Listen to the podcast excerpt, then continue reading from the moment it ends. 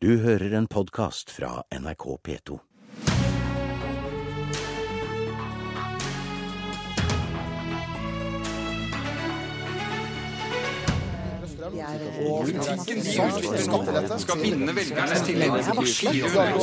Ett år er millioner av ord. Et kaos av bokstaver.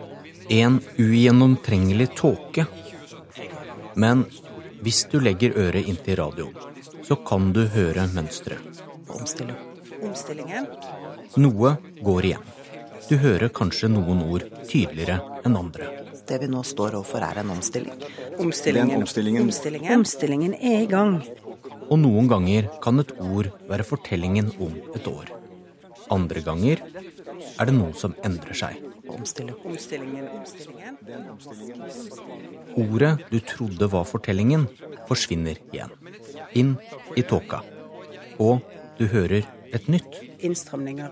Igjen og igjen. Innstramming på asylfeltet. Innstramninger asyl. innstramningsdugnaden. Innstramming på asylfeltet. Men da politikerne begynte å snakke i 2015, hørte man nesten ikke dette ordet. For nesten ingen banket på vår dør for ett år siden. Krigen var jo der, men langt borte. Men ingen kunne unngå å høre dette. Kristelig Folkeparti har et enormt ansvar for at vi rekrutterer titalls mennesker, unge mennesker født og oppvokst i Norge, som reiser ut og slutter seg til terrororganisasjoner, driver med krigshandlinger, massakrerer barn eh, og kvinner der ute. Dette er det Kristelig Folkeparti som har ønsket, og resultatet ser vi i dag. Nå er det nok, Per Sandberg. Nå bør du roe deg ned. Og det at du ikke engang greier å komme med en tydelig og helhetlig beklagelse, men faktisk å stå fast på substansen, det skuffer meg dypt. Med engasjement følger det temperatur. og Derfor er jeg glad for at Per Sandberg har gitt en uforbeholden eh, unnskyldning eh, i eh, går. Eh, For det var viktig. Jeg syns det var riktig han å gjøre det. Velkommen, Per Sandberg. Takk for det. Takk for det. Nå skal du sitte på direkten her i studio det neste kvarteret. Tror du noen i regjeringa blir nervøse av det? ja, det jeg ser ikke bort ifra det. Til og med min kone blir bekymra noen ganger. Men, men du, jeg stilte det spørsmålet om du var klar for en statsrådpost. Nei, altså hvis det Jeg ser ikke noen grunn til at våre statsråder Vi har sju fantastiske statsråder som hver for seg gjør en ypperlig jobb. Nå har jeg også blitt bestefar, ikke sant, så da er det enda en ny rolle man skal ivareta. Omstilling. på Deep Ocean nå driver med, er jo havvind. Så de er på vei over de, de gjør omstillingen. Og Derfor så er det så kritisk viktig. Og igjen, det er ikke noe av disse formuesskattekuttene, milliarder av det, som treffer Men hvis og vi holder hjelper formuesskatten denne Nei, vet du jeg må bare spørre om det. Vet du hvem som eier Deep Ocean? Ja, det er ikke nordmenn. Nei. I hovedsak. Er det rart du ikke får svar at det er et problem med formuesskatt hvis eierne er utlendinger? Hele problemet med formuesskatten er jo de norske eierne. Men de som jobber Altså, der, de som jobber der er norske. At Støres tilnærming til dette gjennom valgkampen har vært ganske spesiell. Jeg vil si at de har, eh, tiltakene deres har eh, en varighet som lag som en liter melk. Vi har altså sittet og jobbet med dette helt siden før sommeren. Og det er jo derfor vi også nå er rede til å legge frem en samlet tiltakspakke. En liter melk, Støre. Ja, det er omtrent det jeg drikker om dagen, det, Siv Jensen. Så eh, man En liter? Ja, eh, minst. Oi. Man blir sterk av det. Støre, hvordan mener dere at regjeringa bruker dette omgrepet feil? Det er fordi det fremstilles som noe Norge nå skal i gang med. At det er et krisetiltak vi skal i gang med fordi oljeprisen har falt. Så skal vi plutselig begynne å omstille. Norge har drevet med omstilling lenge. Vi er faktisk gode til det i samarbeid mellom eh, arbeidstakere, arbeidsgivere, politiske myndigheter. Men Nå det er det skjer vel ikke automatisk? På ingen måte. eh, Og derfor så må man nå finrette eh, innsatsen for å ta vare på de 120 000 ledige. Tallet vokser. Med en rekke tiltak som jeg mener vi har kommet for sent i gang med. Jeg syns det var veldig avslørende det innlegget som Jonas Gahr Støre nå holdt. Det, når han tror at vi har begynt å snakke om omstilling når oljeprisen falt, da gjorde vi ikke det. Vi gjorde det når signalene om lavere investeringer i norsk olje- og gassektor kom, som det i og for seg lenge har vært antatt ville komme, men som den forrige regjeringen ikke gjorde noe med og ikke rustet oss for. Og så plutselig så ble det helt stille. Og Grunnen til det var selvfølgelig at vi fikk en stor flyktningkrise i fanget, som definitivt er viktig. Men det gjør jo ikke at den situasjonen vi ser i industrien vår på arbeidsmarkedet har blitt noe mindre alvorlig. Jeg syns det er problematisk at vi som eh, politisk miljø, og kanskje også i media, sliter med å holde fokus på de store, langsiktige utfordringene når det plutselig kommer en ny krise som må håndteres, og som dominerer i alle kanaler. Onsdag kom det 116 asylsøkere til Storskog grensekontrollsted ved Kirkenes. Det er det meste på en enkelt dag noen gang. Spørsmålet er hvor mange flyktninger Norge skal ta imot, og kommer du med tall, eller må du tolkes? Du får høre. Talen eh, kommer litt før to. De landene som kan gi et ekstra bidrag, de må gjøre det. Norge bør åpne for å ta imot til sammen 10 000 syriske flyktninger. 5000 i år og 5000 til neste år. Det er flott med engasjement, og det er bra å tenke at vi skal hjelpe. Men jeg syns jo da at hvis vi hjelper flere, og hvis vi har utfordringer i bosettingen, ja, så må vi sørge for at vi får brukt pengene eh, best der hvor, den, der hvor nøden er størst. Men i denne salen så vil det være samla mange Høyre-ordførere. Vil du oppfordre dine egne til å ta imot flere? Ja, og vi har oppfordret dem til å ta imot flere. Kommer til den konklusjonen at eh, vi nå ikke lenger eh, kan delta i forhandlingene. Men dersom det blir et eh, stortingsflertall som går på tvers av det dere har som program, hvordan stiller dere til det da? Nei, Det kalles faktisk demokrati. Og i ethvert demokrati så må man finne seg i at det er flertall og mindretall. I dag ble de enige om en avtale uten Frp og SV. Frp tvinges til å godta at Norge tar imot 8000 kvoteflyktninger fra Syria. Ukevis med Syria-forhandlinger er over.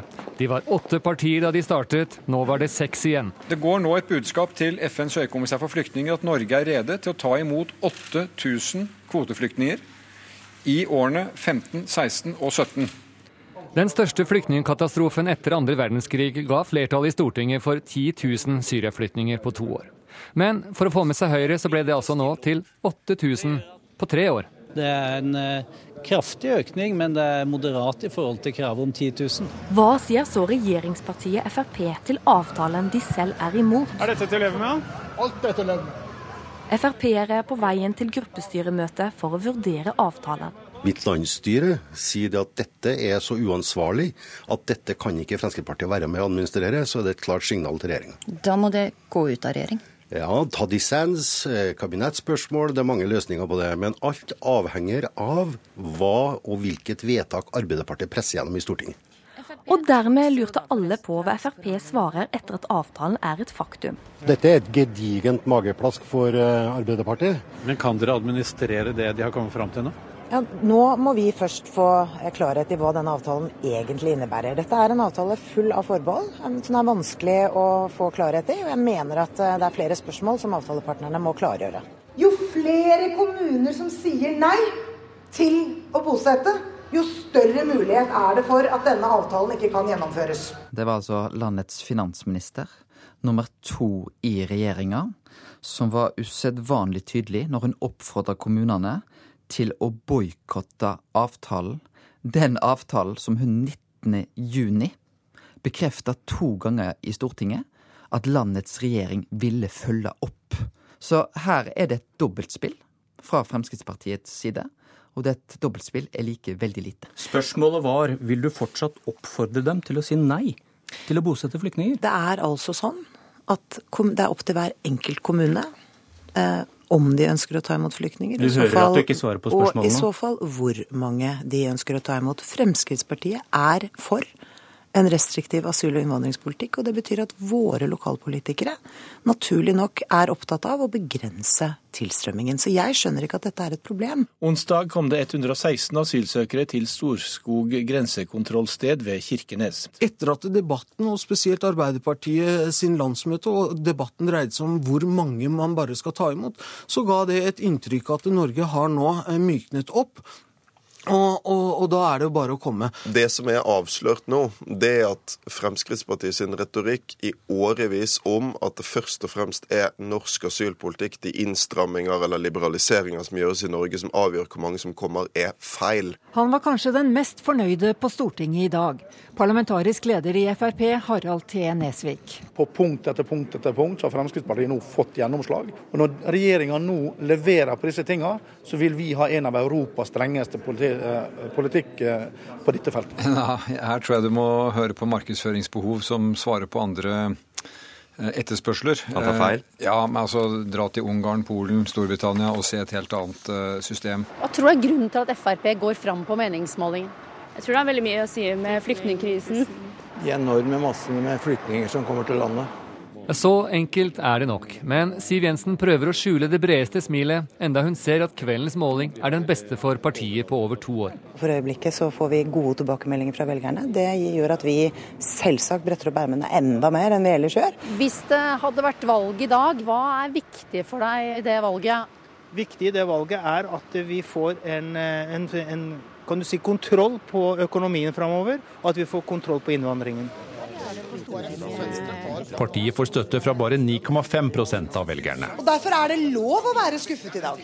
Hvis du ikke gidder å sette deg inn i politikk i det hele tatt, så er det bedre at du sitter hjemme enn å gjøre et uinformert, tilfeldig valg. Mugabe, Lukasjenko, Jinping i Kina er også helt enig i at politikk er for vanskelig for, for folk flest, dette må eliten ta seg av.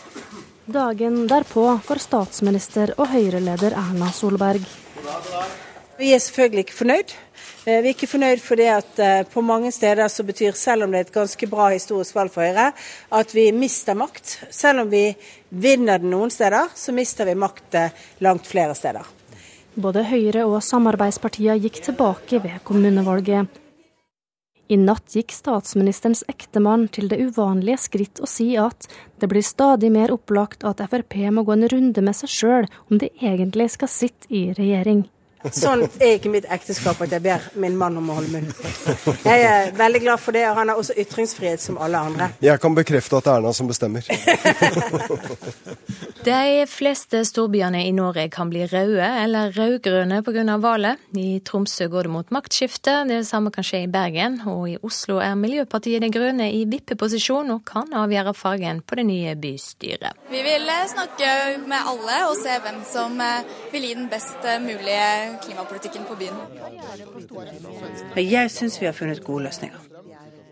Akkurat nå så kommer de gående inn eh, her i eh, vandrehallen, de finanspolitikerne som nå endelig er ferdig med 2016-budsjettet. Det har altså vært en kjemperegning på 10 milliarder kroner for å dekke opp asylstrømmen som de har fått oppå bordet. Takk for det, eh, og jeg får si endelig er vi i mål.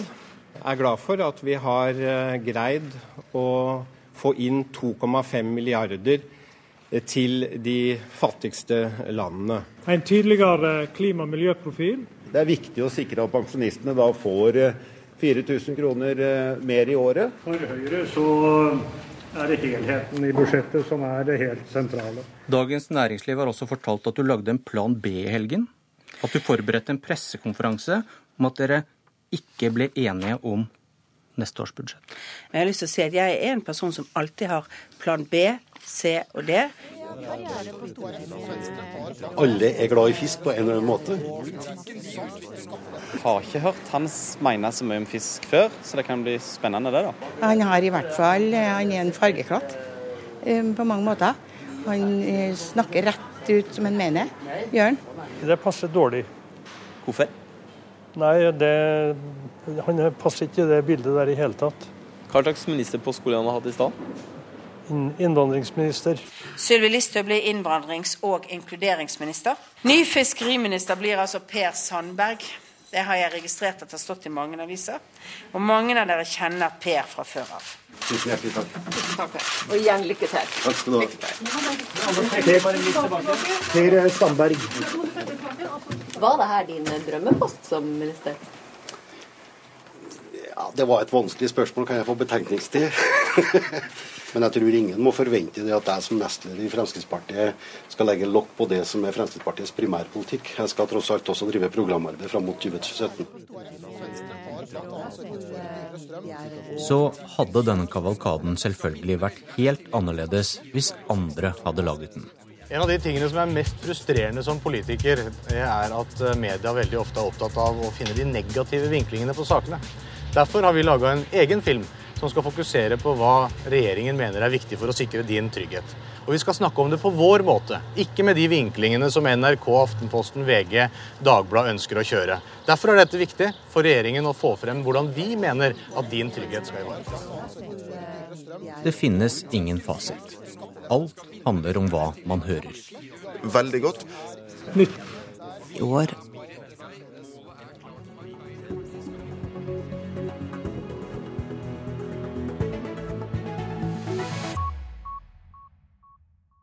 Du har hørt en podkast fra NRK P2.